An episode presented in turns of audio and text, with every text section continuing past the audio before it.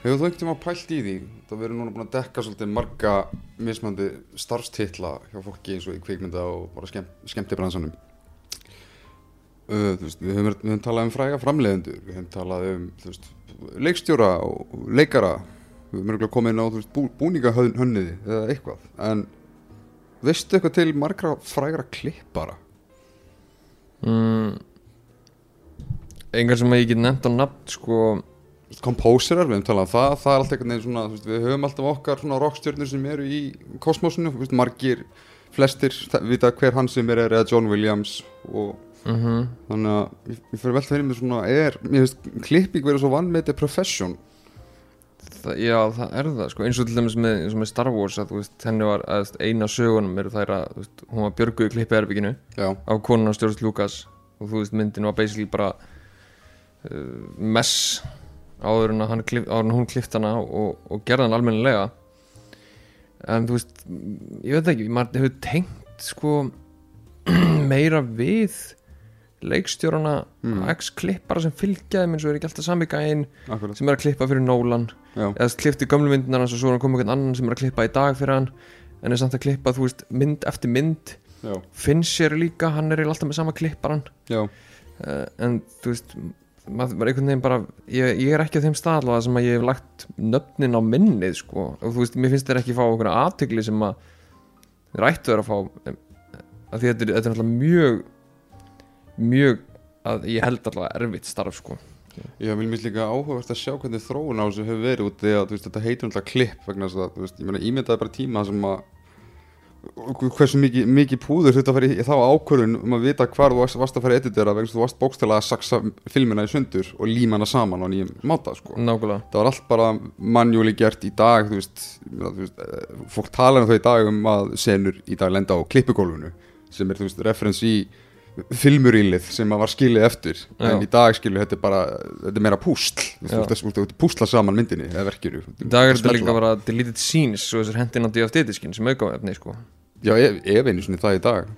Og ég held, ég held að í, í, til langs tíma sko, mér finnst magna að fara í gegnum mitt sögu af klippurum og þessum og sérstaklega eins og af hverju sumir velja hinn og þessa, ég meina gott dæmi er eins og einkonans hérna, George Miller sem gerði til þess Mad Max myndinar hann vildi fá einkonu sína til þess að klippa Mad Max Fury Road en hún hafði aldrei klift Hassan mynd áður.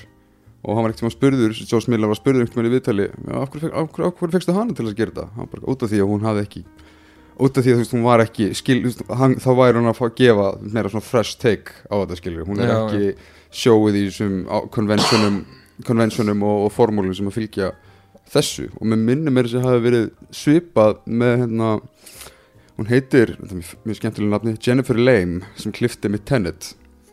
Og Nolan vildi sérstaklega fá hana hún var ein- bara algjörlega reynd bara svona í indísenninni mm. en hann vildi sérstaklega fá hana og, og, og með við, uh, sugur að viðtölum og þannig þá saði hann við, við Jennifer þetta verður erfiðasta verkefni sem nokk tíma taka þér.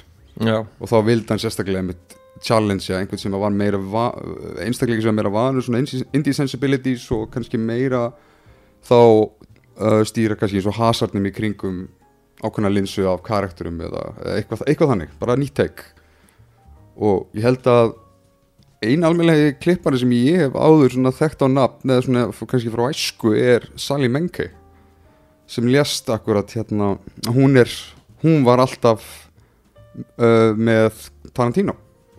Hún klifti allar Tarantino mynda þá til hún lést í rauninni af bara svona, já, svona frík slísi já, einmitt. Og síðasta myndi sem hún gerði frá Tarantino var einmitt Inglourious Bastards margir hafa reyndar gaggri Tarantino myndirnar eftir hana sem bara eitthvað svona eins og það vantar einmitt svona aðeins auka hvað segir maður, svona aga.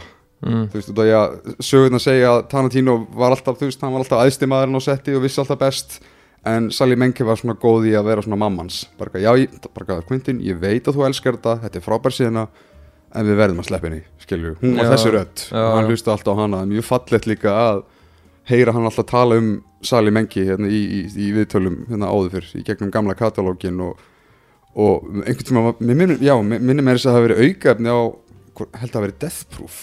Og hefur verið á fleiri Tarantino myndum það sem að á undan mörgum tökum eru leikarnir alltaf að veifa og segja Hi já. Með, með, með, með tillit til þess að hún er að fara yfir alltaf efni setna mér, svona bara, ó, Mm allir að acknowledge hann og mér finnst það að mitt, mér finnst það að vera já, mag, það, það er eiginlega bara svona fyrsti svona alveg svona rockstjörnu klippan sem ég mann eftir Sally Menke. Og einmitt enn skemmtilega að sagja frá því að hún hún til dæmis klifti fyrstu Teenage Mutant Ninja Turtles myndina. Al, alveg fyrstu já, hug- hugsa, hugsa, hugsa eins og því það er smástund fyrsta Turtles myndin er klifta sömu mannesku og, og klifti og setti saman Reservoir Dogs og Kill Bill mm. og já, Bastards, Jackie Brown. Finnst þetta mjög magnað. Það er líka svo fyndið með þetta starfa þú, veist, þú tekur ekki eftir að þetta sé þarna fyrir en það er illa gert. Já, og það er til dæmis eins og með Suicide Squad. Mjög, já, mjög gott veist, sem að hérna átt að vera klift af klippara. Uh, svo kom trailerinn það er ekki málið, kom trailerinn út. Mm -hmm. Og stúdíóð eitthvað, heyrðu, fáum bara trailer fyrirtækið til að klippa myndina. Já, þau gerðu þar sér edit af myndinni og testuðu sérst, þá svona allegedly leikstjórútgáfina hans David Ayer og líka með einhverja svona poppað upp já, basically einhver, einhverja svona konfetti partyútgáfa af Suicide Squad sem svo endaði í bíó og var sett saman á, já, ná, nákvæmlega þessu einhverju trailer company og málið er að trailer company kann ekki að klippa bíómynd, þeir eru að klippa trailera. Já, og það sést svo vel þegar maður er að horfa á Suicide Squad hún er ógæðslega illa klift já, og það, það sést líka bara svo vel með þessi opnuna sinni þegar þau eru á matsölustanum að borða. Já, þá strax þegar ég var á henni í, í bíó hugsaði ég bara, veitu, hver klifti þetta? Af því að þetta er bara mjög einföld sena. Og þegar þú með svona stóra Hollywoodmynd þá áttu ekki að taka mjög auðveldlega eftir því að maturinn á disknum og, og, og vökun sem eru í glösunum er alltaf að hoppa fram og tilbaka í sko, þú veist, hversu mikið er til staðar og já, og hvar Já. flaskan er að færast á milli og svona, það bara, ok, byrju, strax bara, heyrðu, það er eitthvað mjög mikið off í þetta. Já, reyndar sko meira sér hinn færasti klippari geti samt látið það ganga. Þannig að þú ert svo fókusur er á alltaf aspekta við senuna. En Suicide Squad hefur engan struktúr bara frá the get go sko. Byrjar á tveimur kynningasennum hoppar svo yfir í stóra montas kynningasennu í hálftíma og svo byrjar plottið sem er í rauninni ekki byrjað fyrir eitthvað X og Y.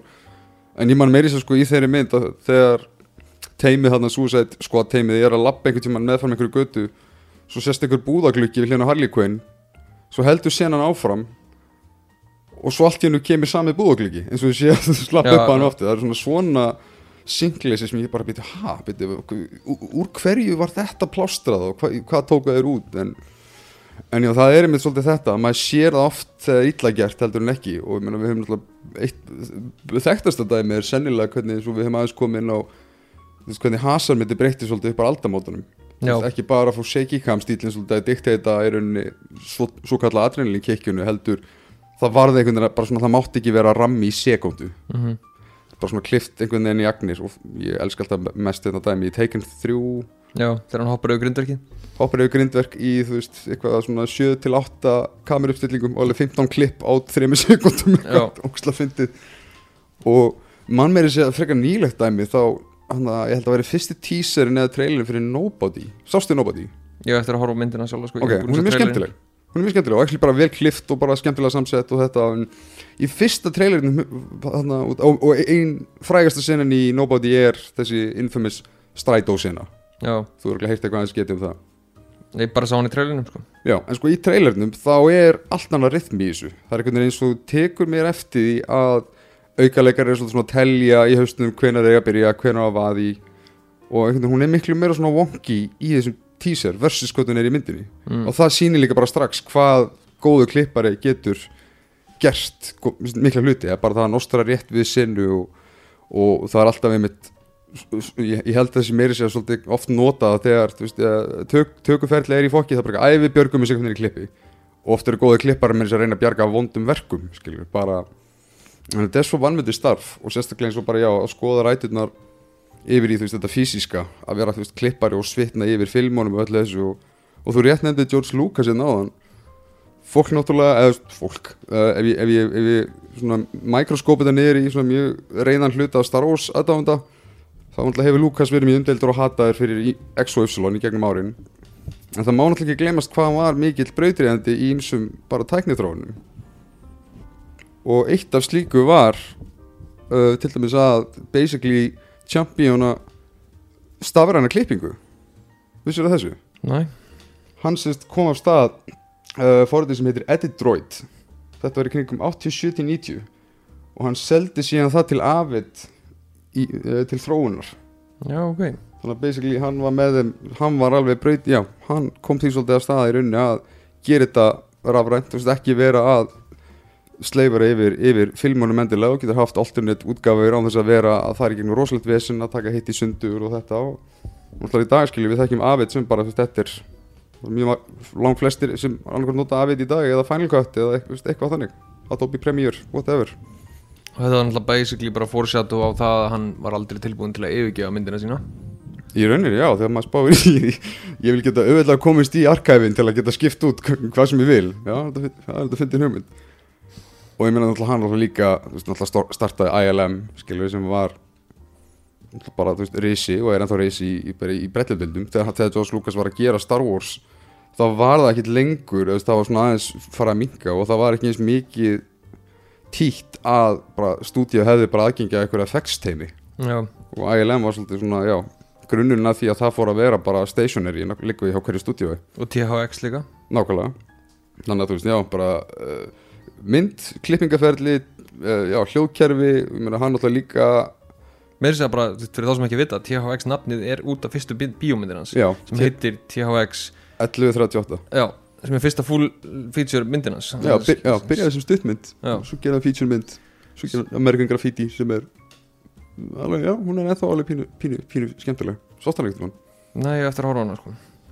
En hérna, einmitt varandi líka sérstaklega hvað klipparar almennt finnst mér þeirra vannmetnum Mér finnst líka svo gaman að fara yfir ótrúlega fjölbreytta ferla og líka svo þess að bara skoða hvað við Íslendingar höfum náðu langt bara með okkar eiginlega færustu klippurum. Og þú veist, ég mér lókar aðeins að tala í þessum dætti sérstaklega um já, eða tvö, já tvo kveikmyndagerðamenn sem ég alveg sérstaklega hef, hef mikið dálæta og það er Valdís Óskarsdóttir og Elisabeth Rónaldsdóttir sem að hafa alveg sko virkilega farið yfir víðan völl bara í, í tengslu við í, bara, hérna, gæði verkefna fólki sem þær hafa unni með uh, og áður en við byrjum aðeins og því að fara yfir hvora fyrir sig, þekkir eitthvað til þeirra? Um, Elisabetu, já, ég hef heyrt nafni hennar og ég er náttúrulega í tengslu við Deadpool. Hún klifti fyrstu og aðra myndina eða ekki? Hún klifti Deadpool 2 Hún klifti Deadpool 2, já, Já. ok. En Það er eiginlega allt sem ég veit. Ok, b- byrjum aðeins að fara yfir hérna til uh, Valdísi.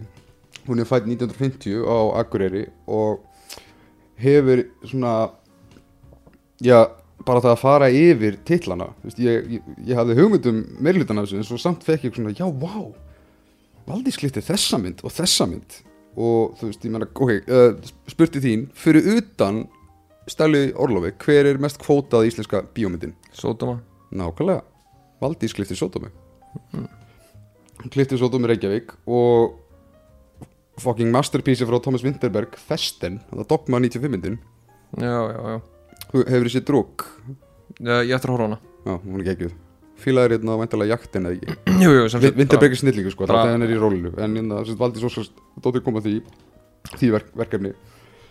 Og dogma 95 reyningi var náttúrulega veist, á sín tíma og fyrir svona örstutt fyrir fólk sem ekki veit það er svona það var svona, sarpur, kvik, uh, svona hópur kvikmyndagjara manna sem vildu sérstaklega prófa svona nýjan stíl á í digital þróunni það sem að voru mjög sett, setta reglur þú mættir ekki setja tónlisti það má ekki vera tónlist í myndinni nema svo sem er spilið á staðinum, myndin er helst handheld það má ekki vera neitt svona grafík yfir neitt, neitt hljóðun ekstra þannig að þetta er í rauninni bara eins og heimagerðar myndir Já, Festen er, er dönsk bíómyndað ekki sem að er uh, gerist í veistlu í einu húsi eða ekki Jú. Hvað fjölskylda sem er hittast Jú, og mjög með svona krömmi ró stílinn á henni en, en það er svolítið að píla við svona immediacy við, við það það má segja Já, hún var sínd einu svona í dönsku tíma í grunnskóla í hvernig Já. dönsku tíma sem ég var í Já, já, já sama hér held ég Já, og ég hugsaði á þeim tíma sko, þú veist, mjög ánstum góð en ég hugsaði að þetta er ekki bíómynd sem hún ættir að sína veist, krökkum sem að valla halda aðtekli yfir dönsku að neinu leiti sko.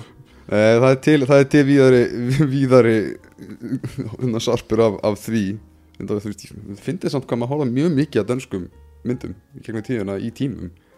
Rámar eitthvað í það, þú veist, ég held að ég hef hort á sko í Kínaspístu hunni og hérna, blinkandi lykter din í innustu inni og, og hérna, hvað hétt hún hana, ást við hist, fyrsta hik kannski við þetta Jú, Törkuli knýpið og allt þetta já, lík nýböður sko, ég bjó í Danmörku náttúrulega krakki. Þannig að ég var oftast það var oftast pikkað í mig sko til að koma með DFT myndunar í skólan Ó, næs og hygglust tók ég lík nýböður með eh, og hérna hún er bara svo indislega súr og geggið og ég vorkinni í alveg þeim sem að fengu ekki tækifæri til að horfa hann í dönsku tíma. Já, fyllir ánar ég var alltaf með greina mér svona, svona virka kveimita áhuga menn sem kennara. Það var alltaf bara svona, já, horfa þessa og þessa og þessa. Svona, meir, já, meir hlutin að svona, mínu intro í danska kveimdiger var bara gegnum þessa tíma. En svo aðeins áfram með hérna, fyrirlina Valdísar hún líka svo uh, klifti síðan setja mér aðra hérna, Dogma 95 mynd frá þessu sinni Harmony Corinne sem síðan mér gerði með Spring Breakers og hefði áður gert Gummo og fleira. Mm -hmm. uh, myndin heiti Julian Donkey Boy en það þekkja hann ekkit rosalega margir og ég persónulega mæla ekki með henni. En svo titillin sem ég var búin að steinglema hún klifti Sean Connery myndina Finding Forrester. Já, ok. Sástu hann ekkert tíma Næ, hún er nefnilega alveg mér fannst hún alveg svolítið, svolítið sjálfmyrandi og svo mynd sem fyr, ég fyrir mitt leiti er náttúrulega bara hún er klippinga Marvel. Og ég, ég, bara, ég horfa á þessa mynd á staðinni og ef ég pæli klippingaferlinu á bakvið hana ég fæ bara hausverk. Það er Eternal Sunshine of the Spotless Mind. Hún klippir hana? Valdís Óskarsdóttir klippti þá mynd og sagði þá sín tíma að þetta væri það erfasta sem hún hafði lagt í og ég trúi því. Já, 100% En vá, samt, þarna Þetta er mjög fljó, það er augljóst á hann sem færi í sínu ferli sko, því að einhvern veginn þegar hugsa um, hugsa um klippara stjættina og ég meina þetta getur verið kolrátt hjá mér sko, Mhm. 100% en ég hugsa að í þessari stjætt gæti verið minna af hver þekki hvern. Og me meira pure bara talent. Ne, já, getur verið. Að, að því að hún er þarna mjög fljót að fara bara upp í gæðastadli í verkefni já, en náttúrulega exposure á þekktum verkefnum hjálpar svo sem líka sko Já, Það er 100% bara festin einn og sér er bara, þú veist, þetta er náttúrulega víða séð og já, já, já. acclaimed mynd, sko. Já, hund- 100% sko en, en þú veist, bara það að hún skulle fara þarna alltaf í stærri og stærri verkefni Mm -hmm. að því að hún alltaf er að standa sig fánulega vel sko Mm -hmm. Veist, minna um svona failing upwards eins og við höfum rætt Já, og líka einmitt, sko, svona, bara, bara enn sem komið er, sko, og þetta er ekki, þetta er ekki tæmandi listi, sko, en bara enn sem komið er, sko, þetta er rosalega mikið sens fyrir fjölbreytni á tónum og bara svona mismunandi skills. Mm -hmm. skilur hvað meira, þú veist, bæði frá, meira bara hvernig Eternal Sunshine er, sa samsett sem basically meiri hlutin er bara svona minningar orgja, skilur þetta er svona, hún er rosalega draumakend og, og abstrakt. Og ég meina Sótum og Reykjavík myndi ekki virka nema hún væri, skilur, hún þarf að vera hún þarf að vera brött, hún þarf að vera sko, farsin þarf að negla, hún má ekki drolla í sekundu. Og þú veist, bara einhvern veginn svona þetta level af það er svona skil sem ég finnst vera ótrúlega vannmetin í bara, þú veist, hvernig finnur rithman í senu, eða leikstjórin sem að finnur það með því að skoða mismöðandi típur af senum. Og þú veist, fólk það líka að hafa í huga, þetta er náttúrulega svo mismöðandi ferli eftir, eftir með hverju þú vinnur. Sumir leifa bara svolítið klippunum að ráða og bara setja saman sitt magic svo er aðri leikstjórar eins og Peter Jackson til dæmis, hann var þekktur fyrir þetta að, þú veist, kannski byggja klippara sinnum að setja saman einu útgáð senu með uh, Frodo og Sam í Lord of the Rings. Sagði, já, ok, þetta er fínt, en núna taka hana alveg í sundur og byrja á nýtt og prófa eitthvað allt annað. Bara aðra tökur hérna, master skot hér og já getur ímyndað hvað þetta líka er glæða lærdomstíkt upp á með hverjum þú vinnur. Og bara svona rytman sem það flýkir sem er örugglega eins og ástæðan fyrir að finnst sér hann sérstaklega, þú veist, leitar alltaf þessu sama klipparan mm -hmm. að því að það er svo mjög ákveðin stíl sem þarf að koma fram í þeirri mynd þessu, í myndunum hans já, Þú veist, rosalega mikið fram og tilbaka milli karakterana snappi díalógur, Mhm. mikið um það og hérna þess að fara, þú veist, draga úr umræðinum um hérna, um Valdísi um, þú veist eins og að til YouTube-vídeó sem fer í gegnum hvernig hvernig hérna skotið, eitt af byrjunarskotunum í Seven er klift það sem þeir eru þrýr saman í herbergi. Mm mm. Brad Pitt, hérna Morgan Freeman og svo lauruglustjórinn já, það sem maður verið að greina sko að þú veist í hverski sem að vindi klippir þá er valdið að færast um herbergið. Já, að hérna, þú veist, Brad Pitt byrjar á því að vera rosalega valda mikill og vill fá keysið, svo klippir yfir í Morgan Freeman hann segir eitthvað, klippir yfir í kaftinin klippir aftur yfir í Brad Pitt og þá er hann sestur Já. og búin að missa valdið. Já og, svo náttúrulega sem, sem hliðstað við það það er náttúrulega mjög frækt YouTube-vídeóið frá einmitt Óskarsvöluna kvikmyndinni Bohemian Rhapsody sem vann velum fyrir klippingu þar sem þú veist er tekið demonstration á bara hvernig klippingarithmin er algjörlega út á túnni. Já, þú veist, það er aldrei klift yfir í þú veist eins og hver, hvar árislan er, hver kjarnin er veist, það, það er margir verið sko búin að, margir búin að krifja þetta, bara upp á það veist, hvað þetta er mikið æsor að horfa. Mhm. Þetta er bara, þú veist, bara ekkert svona geography, þú þú kannast að liða þetta ekki? Jú, jú, 100% þegar að funda hérna við, við agentin eða umban og, og e, basically, já, bara hvað, þú veist já, hver er að dikta þetta sinn? Hvað snýst þetta? En sá Óskar var náttúrulega basically að því að það var enginn leikstjóri á þessari mynd og klipparinn bjargaði henni. Og það er þetta annað gott dæmi. Það er, það er sennilega, það er eitt af öðrum fáum nöfnum sem ég get svona vippa á hatti. Já, ég þekki, það er nafn á klippara sem ég þekki definitely, það er John Ottman. Og það er bara út af því einmitt að hann veist, hann er bæði klippari og hann er composer líka. Hann, þú veist, eins og klifti og skoraði uh, X-Men myndirnar minnum með fyrstu tvær. Er það svo sem að gera Bohemian? hann klifti búin hímjan, já. Já, ok. Og hann, hann, hefur, hann vann mikið áður með Brian Singer og, og, og þannig. En já, ég myndi alltaf eftir honum.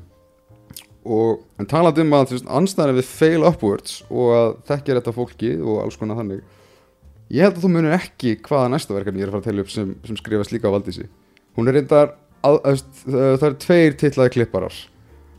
Annars vegar er það Nico Lunen við veist, verkefni frá þekktum Íslandsvinni sem við höfum definitely talað um sem kom til Íslands var að klippa kvikmynd sem að var leikstur af frumbraun viðkomandi klift, klift á Íslandi.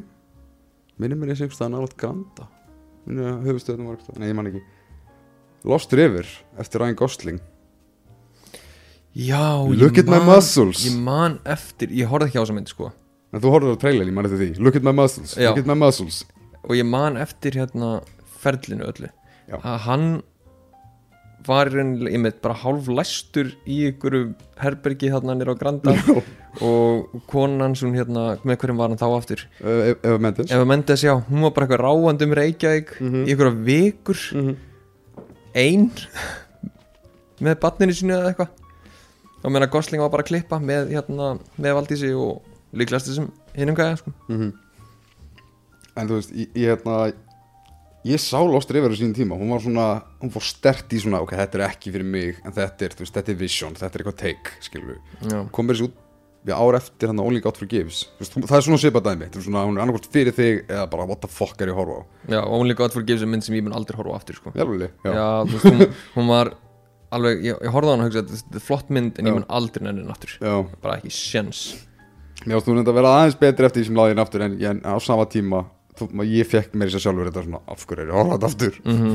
Mm uh, en svo er líka, líka skemmtilegt að tala um að bæði, eða báðar hérna Valdís og Elisabeth Rónalds eru báðar með nýja myndir á þessu ári sem er alveg frekar stóra myndir. Og þú veist, náttúrulega rétt aftur að klára skauti gegnum brota af því sem að uh, Valdís hefur komið að, þú veist eins og myndin End of Sentence, hún var með til að held ég minnum á Riff, hérna hvað 2018-19 með John Hawkes eftir Elvar Gunnarsson minnum hann heitir. Er ég kannski ruggla uh, en svo núna á hún er hún svo satt uh, væntalega með nýjustu myndina sem Sean Penn leikstýrir. Flag Day heitir hún. Já, ok. Hann hefur náttúrulega verið að leikstýra eitthvað alveg síðustu Sean ár. Penn? Já, já. Sean Penn er, hann er, hann er sko duglegur og hérna en svo út fyrir það er mitt að vera greinilega og, og réttilega mjög eftirsóttur klippari með bara meiru og mikillir færni og, og hún er svona svo líka sko, ég, ég fór ekki eins og í meirlutun íslenska sarpinum sko, og stuttmyndir og þannig en, en svo gerist hún líka hún settist líka sjálf í leikstjórastólin með tveimur myndum. Já, ok, hvað myndir það? uh, Sveita brúðkaup og kongavegur. Held að annars verða 2008 og 2010 og Ég mann til sveitabrúköp og mér minnir og nú, nú kemur þetta algjörlega bara svona þetta er svona sögur herma moment mér minnir mitt að sagan á bak við Sveitabrúkaup hafi verið þú veist að þau fóru bara með nokkra kamerur fullt af leikurum frá Vesturport og eitthvað og voru eiginlega bara svona búa til þess að farsa narratífi svolítið bara í allskonar spuna skömmtum og tóku bara ógeðslega mikið af stöfi sem var síðan einhvern veginn bara svona mótað eftir á aðkvikmynd Já, eða þú færið allavega definitív svolítið þannig sens fyrir því að þú veist þetta voru já, þetta voru greinilega mjög fáið tökudagar bara spunnið öskrað, djókað, alls konar. Og uh, þetta er allt í lagi myndir sko. En, en, en það er einmitt svolítið mikið það er einmitt mjög svona aimless, svona directionless þannig séð sko, mm það veist, að, að kongaðu kannski aðeins meira svo, en veist, það er alveg gott í þeim. En, en það er alveg mjög mikið með svolítið svona sinni eigin svip. Ég, ég skal algjörlega gefa þeim það, veist, að horfa á kongaveg er ekki eins og horfa á hverjar íslenska mynd. Og hérna Hvað hérna, er hún búsett á Íslandi eða býr hún úti? Veistu það? það er góð spurning ég myndi að skjóta á, á nei á Ís, með Íslandi en endilega einhver endilega leir þetta mig ég myndi, myndi finna svona skrítið ég myndi akkurat annað topp maður head vita það Já. hún er hérna mitt hérna á bankastræti Já, fyrir lítið út á kvöldin og, hérna. en svo komum við hérna aðeins yfir í Betur Rónalds uh, þetta er sko sennilega ég, ég, ég, ætla, ég, bara, ég ætla bara að setja það niður. Mér finnst þetta tveir færustu klippara landsins bara by far í rauninni þessar tvær en, um, en Elisabeth Rónalds er í svona hún er slætli meir uppáldi á mér.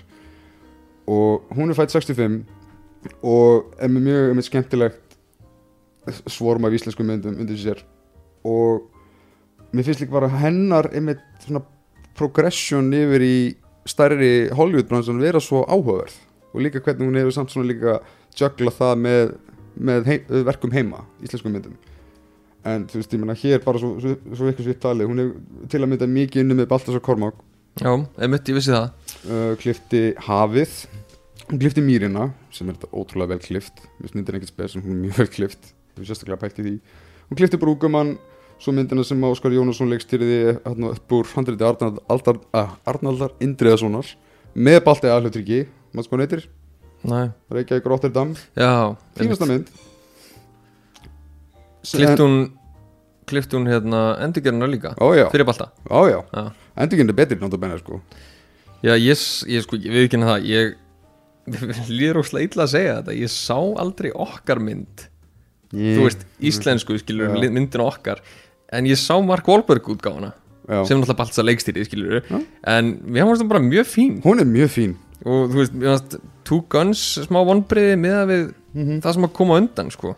Ég sko, ég finnst Reykjavík Rotterdam svona lala, hún er einmitt svona þú veist, það öruglega fyrir gegnum hausunum manni sko, eða fór á þeim tíma þegar maður sá hana svona, já, ok, æ, þetta er ekki alveg svona, þetta er eitthvað svo mikið eitthvað svona cheapy, eitthvað kanada thriller, eitthvað svona element í þessu, en það var alltaf eitthvað sem ég varst ekki alveg almennilega að smetla saman í, íslensku útgáfinni, fyrir þetta það var bara eitthvað 80 mínútur, svo kemur kontraband, Reykjavík Rotterdam með 2008, kontraband kemur svo 2012 og þarna hugsa ég, ó, það er búið að laga myndina. Og aðeins fytana skilur um einhverja, þú veist, 10-15 mínútur af svona smá meiri karturum kast sem einhvern veginn svona rúla betur skilur, ég meina með absolutt hérna, fullri virðingu fyrir, þú veist, Ingvar E. og, og, og hérna Liljun og þöllum sem koma að hinni myndinni þá, þú veist, bara, ég fílaði bara Ben Foster dýnamíkina og, og þú veist, Mark Wahlberg og einhvern veginn þeirra svona jazz miklu meira þú veist, ég meina, ef þú ert með J.K. Simmons versus, hérna, þú veist, Jóhannes Haugur að, að, að öskra á vídeolögu, ég tek frekar J.K. Simmons já, já, já. en, en hún sem skliftið báða myndir og mér finnst það svolítið magnað líka gaman að sjá með svona að hvað myndirnar eru noticeably hérna, með stóra mun í einmitt, hversu vel það eru kliftar og skotnar Mm. og Balti er greinilega bara betri í að höndla hasar mínum að þetta heldur Óskar Jónasson hann alltaf er sennilega meira þekktur fyrir komík já. eða setna mér síðan hann fór í þætti hvort það verið réttur eða voru mjög margir íslenski rétta þættir á tímbili Allt og margir. Mér líður eins og Sigurjón hafi skrifað á alla. Þú veist það var réttur. Þetta er svona, ekki endilega bara svona, ja, þetta er svona, svona, svona pressu krimmadrama mm. -hmm. pressan var þarna og eitthvað. Fuck sko, Ég held í alvörun að Sigurjón Kjartason hafi skrifað allt. Það kemur ekki ávart Hann skrifaði allavega pressuna Mhm. Alla Sigurjónar af því. Mm -hmm. Eða hvað heitir þetta, réttur? Ég veit að hann skrifaði pressuna. Hann skrifaði örglega rétt líka. Magnað Hann fór í eitthvað bara svona mega, mega svona feeling? Þetta er alveg bara heilt subgenre af íslensku efni sem við þurfum lengt um að explora. Þetta er svona svipa, ég meina maður sko við byrjum að fá fyrst marga svona Nordic krimma rip-off áður við fórum að gera það slætli vel. Mm -hmm. þú veist, ég, meina, ég er ekki aðdáðandi ófærðar en veist, það er allavega, þú veist, kompetentli vel samsett seria sem, þú veist, koma á eftir drastli eins og, þú veist, hvað heita mannaveiðar og, flat er að gátan og þetta er svona fullt af svona kjaftaði við hlátar ekki gátan var þetta síðar en það er fullt af einhverju þáttum sem ég er að gleyma sem eru bara þeim síast allir í einhver svona eina móðu. En Reykjavík Rótta var náttúrulega eins og segja, já, það var 2008 kontraband var ekki fyrir en eftir á en þannig er hún ekki að það komin sérst, í svona international markaðin sérst, sérst beta. En svo náttúrulega fer hún í hérna, uh, ég held að fyrsta fyrir utan A Little Trip to Heaven þá er svona fyrsta svona alvöru erlenda Hollywood-ish myndin að spalta þess er Inhale með Dermot Mul Mulroney og Naomi Watts minnum við hafi líka verið inni Er ekki Little Trip to Heaven mik miklu, miklu, miklu fyrr? Hún er miklu, eða hún er 2003 Já, 2 kannski, 4 5, 6 2006 Ég man ekki, hún er aðeins fyrr allavega, eh, hún inhalið 2009-10 Er innheil svona snemma? Já, hún er basically svolítið ég sá, ég sá hann alltaf fyrir mig sem svolítið svona hún var uppbytinu fyrir það sem Já, kontraband svo, og síðan já, Contraband kemur 2012 Aha. Já, tíminn liði bara hratt Og innheil er já, þá 2009-10-ish En Baltas að vinna samt í annari myndun og milli líka sem að kemur út sama ára kontraband það er alltaf djúpið sem líka Elisabeth Rónsdóttir klippti þarna myndin um sundlaug Já, einmitt, einmitt. en, en kontraband Hvað það er, myndin ham, S- Sundlug? Gæði maður kallaði sundlaugur? Já, já, já, já, já, já, já, já. og en þú veist kontraband eins og áður var, he, uh, er búið að koma fram dundur fín mynd. Ekkert að Já, bara, þú veist, Fínasta skemmtun sko. bara til, að, til að veist, algengum internet, bara pop og kók. Og hún, hún var einmitt svona janúar dump mm sett bara einhvern tíman og ég held að keppinutur hennar hafi verið þú veist eitthvað remastered re-release af Frí og dýrið frá Disney og kontraband lendi í fyrsta sæti. Og hérna svo bara einhvern veginn, já, hún er þessi talin bara success, hún virkaði alveg áhörvendur fekk ekki góða dóma gaggrinda en þetta er greinilega svona sítplantað eitthvað vegna þess að, þú veist, já, e- í kjálfara þessu þannig bara já, hvað valla tveimur án setna, þá er Elisabeth snörið þarna í uh, fyrstu John Wick leikstýrið af Chad Stahelski og David Leitch. Þetta vissi ég til dæmis ekki Þetta grínast? Ég hafði ekki hugmynd um þetta sko. Gauð eins og ég sagði hann, ég vissi bara hún hefði gert Deadpool 1 eða 2 og það var 2 Þetta er, ég vissi ekki hún hefði klift John Manst eftir Red Circle skotbardanum í fyrstu John Wick? Wick Gegg, Það er sko, hvert einasta hver einasta atriði, hasaratriði Hefur afsakaðir, eitthvað í gang- gangi með röddina minna Hvert einasta hatra- hasaratriði í John Wick er eins og fokkin listaverk. Já, að, þú veist, ég myndi ég, myndi ég, ég er meira þar með hina tvær. Finnst fyrsta myndin ekki alveg eins góð og hinar. Hún dalar pínu eftir hennan Red Circle kabla En hún er samt masterfully klift. Ég ég er ennþá að því sko að öllum þreim myndunum þá finnst mér flottasta atriðið það er í húsinu þegar þeir koma heim til hans. Já, það fyrst, Já, það er mjög gott. Það er bara atriðið sem að ég bara, ok, þetta er fucking brilliant Já, ég, sko, ég man bara hversu agdói ég var eftir Red Circle kaplan. Og bara fyrir fólk sem að vill endilega upp kynnin á John Wick farið endilega á YouTube og skrifið bara John Wick Red Circle. Og þetta er bara glorious stuttmynd út af fyrir sig sko. Þetta er einmitt annað þegar hann finnur markið svona í fyrsta skiptu og er svona mið á hann við sundlaugina.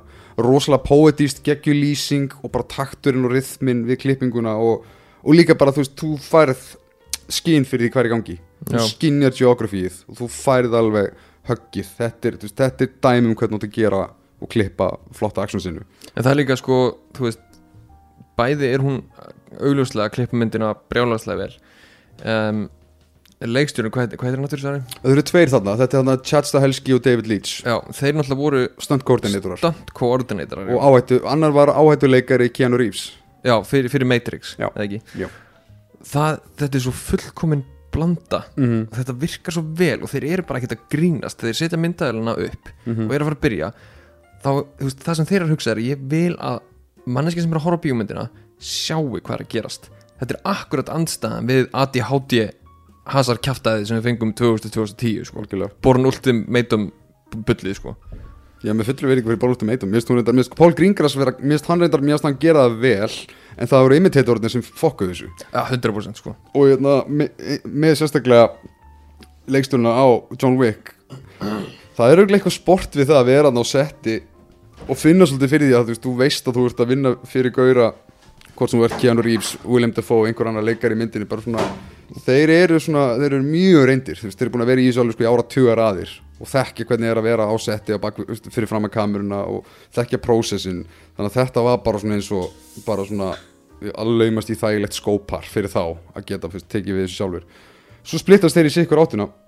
Chad Stahelski basically bara tekur við keflinu og segir bara Ég, ég dekka John Wick allir minn. Hann tekur 2, 3 og er núna að vinna í fjögur. David Leitch, hann fer í sína eigin átt var ekki ykkur ágreining á milli þeirra? Nei, nei, nei, nei. Ok, ég held það, ég held þeir hefði eitthvað reyfist Ok, þá hef ég ekki séð það. Ég, ég var mjög forður að vita af því sko. Best sem ég veit er for, þú veist, framleiðandi og þú veist, hann er alveg hann er svona eitthvað en name only John Wick.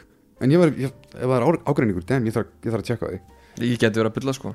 En sem sagt, David Leitch er miklu meira svona Já, ég vil vera svolítið meira mitt eigið thing. Nei, ég er að tjóka Nú, Ok, nú ætla ég- ég búið líkt ótgáð Bara svona, já, ég, já, það er meira í mér heldur en bara John Wick serían, sko sem, þú veist, mér finnst það mitt svo fyndið út í að ég, ég elska alla John Wick myndar en mér finnst, það, mér finnst alltaf hver vera örlítið betri en myndin sem var á undan. Og Já. það kemur á 2 og 3 og visual stílisenningunni og bara svona precisionu og bara sem ábeldisballett ég bara, ójá Mér finnst þriðamyndin einmitt eiginlega slökust, satt segja. Ég skil það alveg, ég er enda að horfa hann aftur nýlega og ég, ég, ég, ég, ég er svona ég, ég skil alveg að það er Kastalatrið er bara of langt. Kastalatriðið. Með Halle Berry og hundunum og já, það er bara, það er bara of langt. Það var, þegar ég satt og horfði hann í bíó þá var ég ángrinsleit á klukkuna. Mm. Fyrstu klukkutíminni er snar fucking snild sko. Bara þegar allir er eldan og hann er komin í bókasafnið og allt þetta, Jú, hún, hún dala mest í miðuna það er alveg rétt sko. En hérna en ég einhvers yfir, ég bara, ég límist yfir þessu. Finnst svo gaman að því. En David Leitch fer semst í hérna já, eins og segi, aðrar áttir og hann býður væntalega Elisabethu með sér. Á meðan semst, e, þetta, það kom Sikkvor myndin frá Sikkvorum gæðin í Mjössu Dói kemur í mynd út þarna 2017 Já Það er annars verið John Wick 2 Se- Ég, ég man að ég sá þetta sem alarming þegar ég var að fara á John Wick 2 fyrst skipti ég bara eitthvað beta ekki að klippa hana? Sjensin, hún er ekki að fara, skilur fattur mig. Já, já. sem betur verið var hún sér líka masterful klift en en uh, Leeds gerir Atomic Blonde frá sama ári. Já, já, já, já. Og hún er líka Hún er mjög vel klift óendanlega vel klift geðveitt soundtrack og þetta er líka svo mikill svona, svona pipraður sögúþræður og weird struktúr, hún er alveg sko valhoppandi og, og ekki glemma líka þarna þessu innan gæsalappa one take sem myndin hefur. Já, Einmitt, það er mjög, ég ætla að mynda að vera að segja það er mjög vel gert og þannig að þarf líka uh, virkilega þetta er náttúrulega ekki one take. Mm -hmm. Þannig að það þarf að klippa þetta vel þannig að þú haldir þetta sem one take.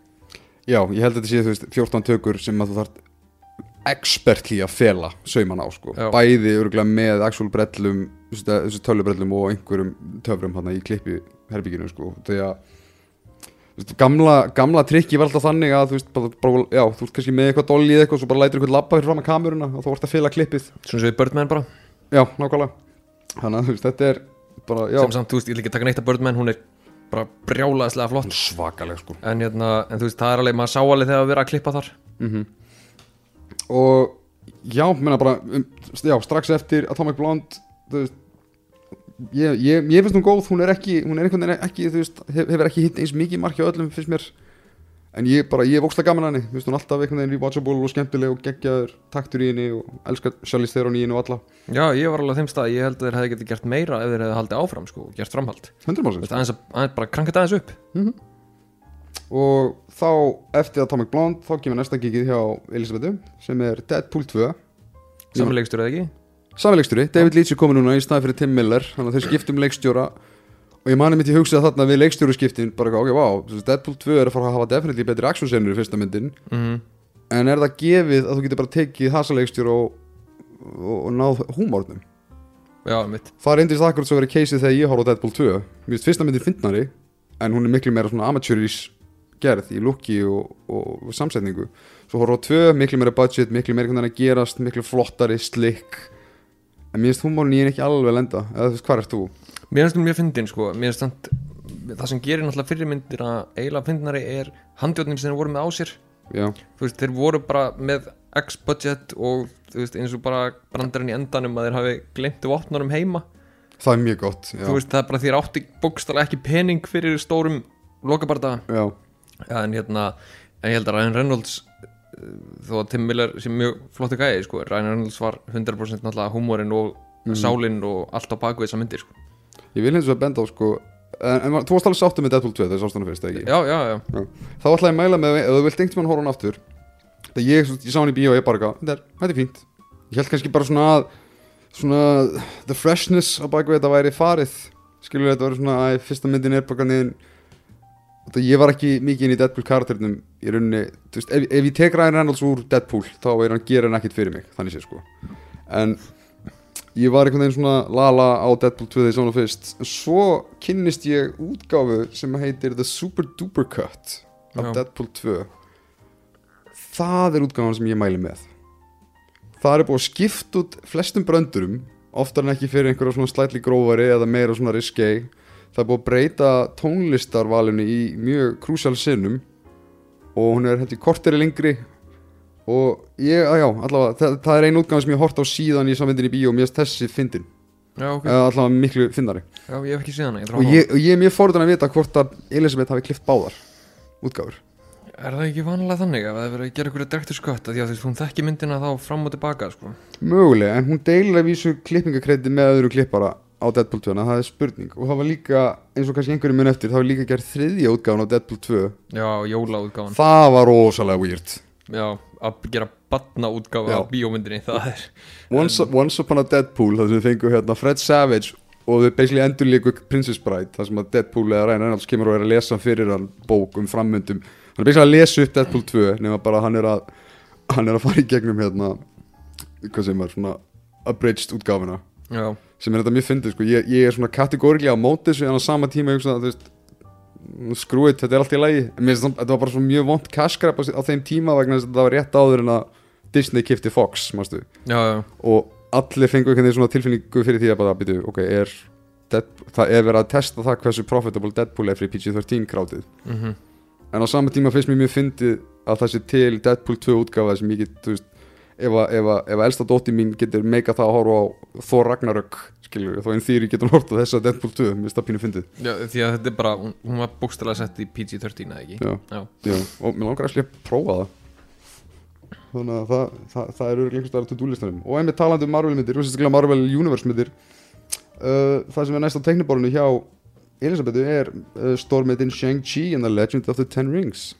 Já hún klippti hana? Mhm. Ok, Já, það er meira Marvel manni, sko, hitt er náttúrulega hérna, Fox Marvel, svo sem Deadpool 2 já. Svo hann yfir í MCU-ð það, Ég held að spenntur að sjá hvernig það áttur að lúka Því það er líka Augljóslega er hún ráðin út frá John Wick Atomic Blonde og Deadpool 2 af Mhm. því að þarna það sjást illa á trailerunum eða trailernum sem er komin af því að trailerin er mjög illa kliftur alveg bara svona vandrarlega illa kliftur en ég held að þessi skot sem við erum að sjá í trailernum séu mjög flott þegar maður sér þau svo í bíómyndinni sjálfur Já, það er, það er alltaf, veist, það er vonin, svo sannlega, sko.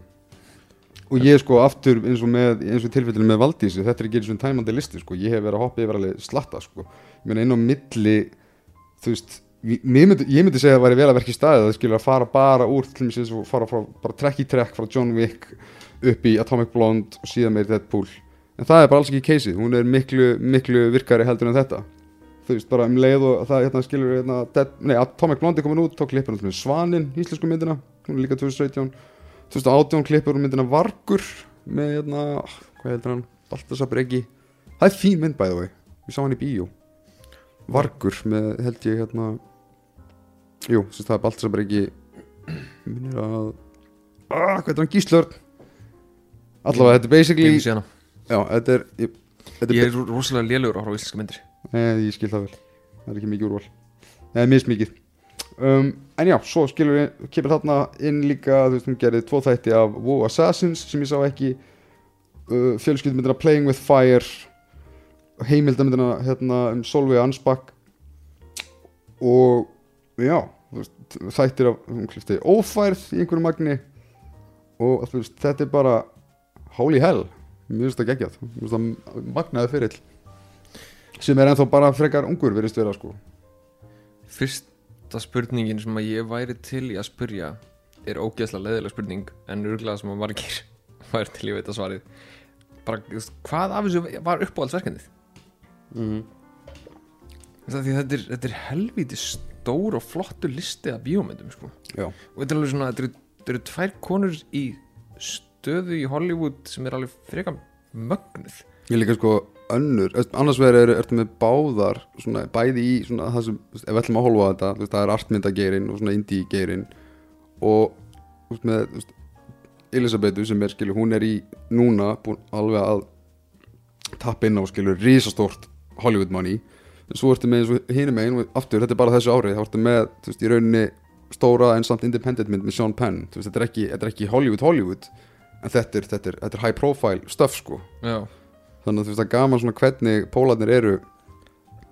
Eða eða fattur ekki hvað ég meina ímyndar ef, að, þú veist, ef þetta verið í báðum tilfellum sem að þú veist, öðrum meginn ertu með einhvern sem er bara að klippa Marvel-bittur og hinum meginn ertu með Íslandika að klippa bara Fast and Furious. Mm -hmm. þetta, er miklu, þetta er miklu víðar en það. Mér finnst það svolítið töff.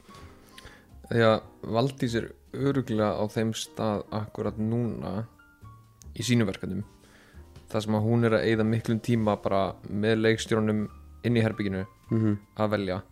Og meðan að eins og með Shang-Chi ég get alveg hugsað mér að veist, það er orðið svo mikið maskina Já, já, og alltaf, alltaf svona sögursagnar einmitt með það að þú veist eins og ef þú horfir á mm, þú veist þú horfir á aðra hverja margulmynd líku við sko og þú hugsa, hvað hvað er góðar hasasennur og þú hugsa kannski, shit hvað þessir rúsabræðinur eða þessi leikstjóri er góði með hasar en svo kemst það í setna mér þetta var í rauninni nánast allt prívisað áður en að hasa nei, áður en að leikstjóri var ráðinn. Já. það, hefur oft reynst vera keysið en, en þráttur í það þá er maður samt að sjá sko og hefur í viðtölum að Marvel þó þau séu svona mikil maskina Mhm. og þetta er bara, í dag er þetta stæðsta Hollywood maskinan sem þú finnur. Algjörlega. Þú veist, leikstjóri er ekki ráðin ef hann er ekki tilbúin til að taka þátt í öllu samhenginu og við höfum rættið dáður að veist, það er bara í þessu tilfelli eins mikið og framleiðendur geta verið bara eitur mm. þá í þessu tilfelli er það bara mikilvægt. Því að þú veist, þeir eru að gefa út það sem að þeir voru alltaf að gera myndasögur, skilur, með stóru samhengi. Þeir eru bara búin að færa yfir í bíómyndir. Og þeir eru bara að segja mjög stóra sögu.